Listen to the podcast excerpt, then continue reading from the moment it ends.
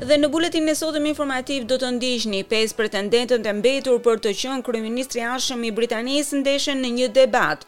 Joe Biden bisedon me princin e kurorës së Arabisë Saudite pas mbritjes për bisedime në vend. Dhe në futboll, Manchester United mposht Melbourne Victory në ndeshjen e parë të turneut të tyre australian.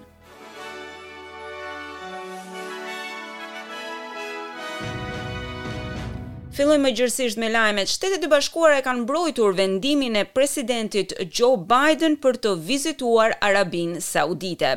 Ishte ky takimi i parë mes dy udhëheqësve të vendeve, i cili filloi me një përplasje të grushtave jashtë Pallatit Mbretëror në Xheda, në një marrëdhënie që mund të rindërtojë partneritetet e sigurisë në Lindjen e Mesme si dhe rrjedhën e naftës në mbarë botën.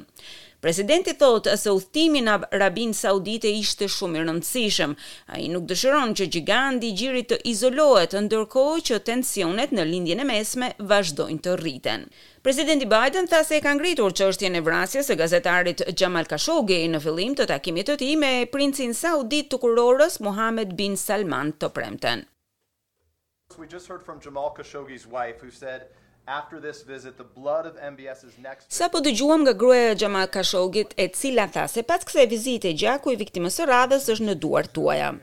Më vjen keq ajo ndihet kështu, jam i drejtpërdrejtë, unë kam ardhur për të marrë pjesë për Këshillin e Bashkëpunimit të Gjirit, ku do të bisedojmë rreth sigurisë dhe nevojave të botës së lirë, veçanërisht për Shtetet e Bashkuara.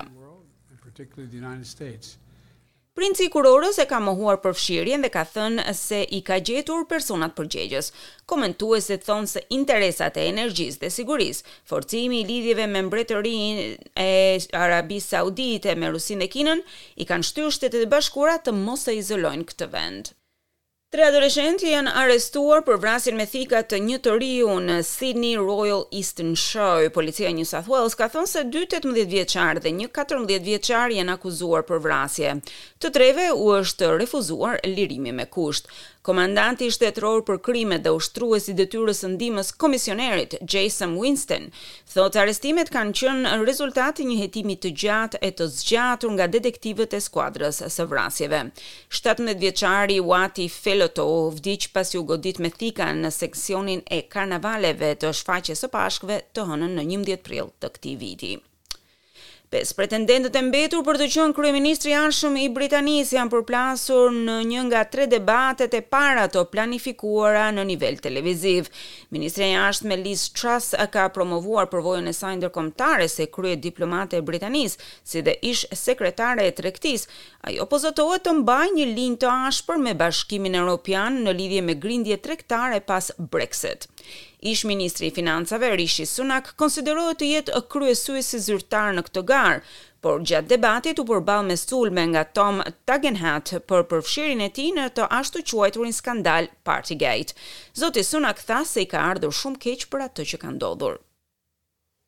Of course there's a problem with people being asked to obey rules that those who make them don't obey. Of course that's a problem.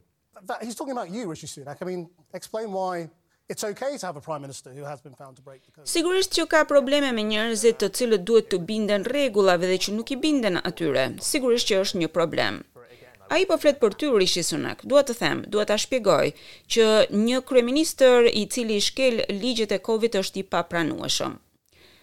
Autoritetet mjekësore thonë se shkaku i vdekjes së gruas së parë të Donald Trump, Ivana Trump, është aksidental. Zyra e kryeekzaminuesit mjekësor në qytetin e Nju Jorkut tha se zonja Trump u gjet e vdekur në shkallët e banesës së saj dhe se nuk dyshohej për vrasje. Zyra e ekzaminuesit tha se pati lëndime në trupin e saj në përputhje me rënien aksidentale. Ivana është nëna e tre fëmijëve më të mëdhenj të Donald Trump dhe e ndihmoi atë të ndërtonte disa nga ndërtesat e tij më të njohura, përfshirë këtu Trump Tower, përpara se çifti të divorcohej në vitin një mijë e nëntëqind e nëntëdhjetë e dy. Ivana ishte shtatëdhjetë e tre vjeç. Trazirat politike të Sri Lankës po i afrohen përfundimit me zgjedhjet e ardhshme për një president të ri, por nuk ka patur asnjë lehtësim të menjëhershëm në horizont Për sa i përket qytetarëve të cilët po mundohen të përballojnë ndikimet e inflacionit, pagat kanë mbetur njësoj, fuqia blerëse ka rënë mes krizës ekonomike të Sri Lankës, për të cilën kritikët kanë fajësuar keqmenaxhimin nga ana e ish-presidentit. Supermarketet në kryeqytetin e Sri Lankës Kolombo kanë rritur çmimet pasi nuk kanë mallra dhe ushqime të freskëta, ndërkohë që benzina është e pakët. Banori vendës Nuvan thotë se kostoja e çmimit dhe transportit është rritur me shpejtësi marramendëse.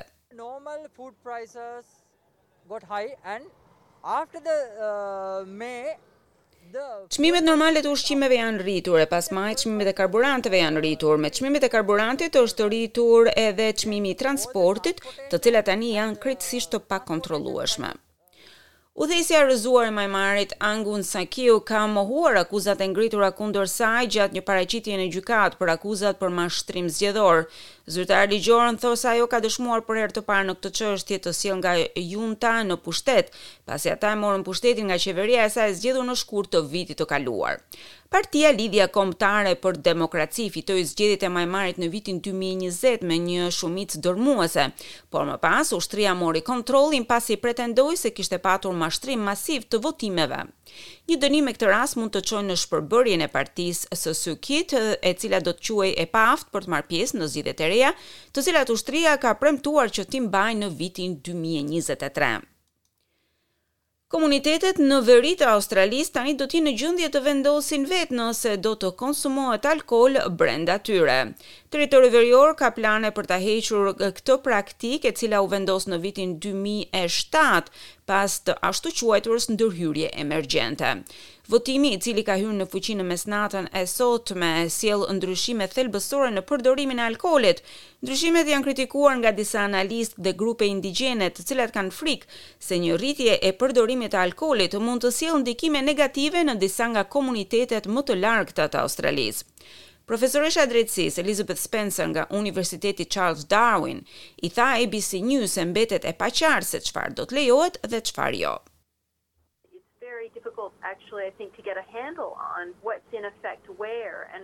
Është e vështirë që të gjesh të dhëna dhe të mbash nën kontroll ato që po ndodhin. Mendoj se do të jetë e vështirë edhe në këndvështrimin e mbledhjes së të dhënave për çështje hulumtimi, çfarë do të funksionojë dhe çfarë nuk do të funksionojë me këto ligje të reja.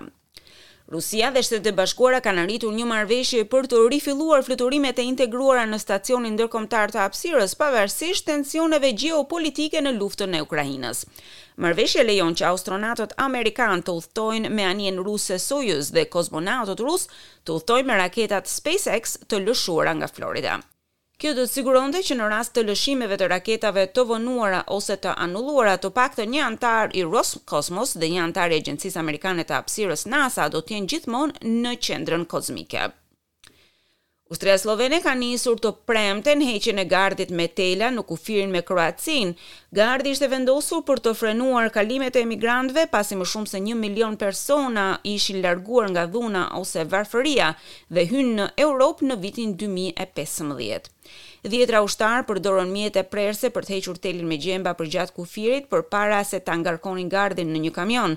Zyrtarët thanë se do të duhen rreth pesë muaj përpara se të hiqet i gjithë gardhi kufitar prej gati dyqind kilometrash, një kombinim i telave me gjemba dhe paneleve metalike. Prej pesë javësh, një pjesë e Europës po përballet me temperatura rekord që në shumë vende i kanë tejkaluar dyzet gradë Celsius, sidomos në jug dhe perëndim të kontinentit. Zjarret dhe thatësirat duket se janë shqetësimi kryesor për miliona banorë në Greqi, Itali, Francë, Spanjë, Algjeri, Tunizi e deri në Afrikën e Veriut dhe Lindjen e Mesme. Ekspertët e kanë cilësuar këtë që po ndodh si kriza më e madhe që nga viti dy mijë e shtatëmbëdhjetë.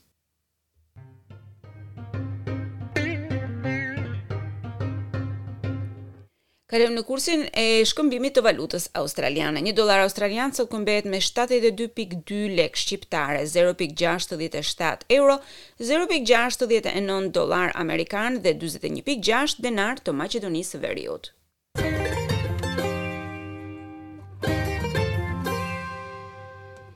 Kalojmë në sport, Manchester United ka mundur Melbourne Victory 4 me 0 në një ndeshje miqësore në MCG. Manchester United do të përballet me rivalët e Premier League Crystal Palace në të njëjtin terren në 19 korrik përpara se të udhëtojnë në Australinë Perëndimore për një ndeshje kundër Aston Villa në stadiumin Optus të Perthit në datën 23 korrik.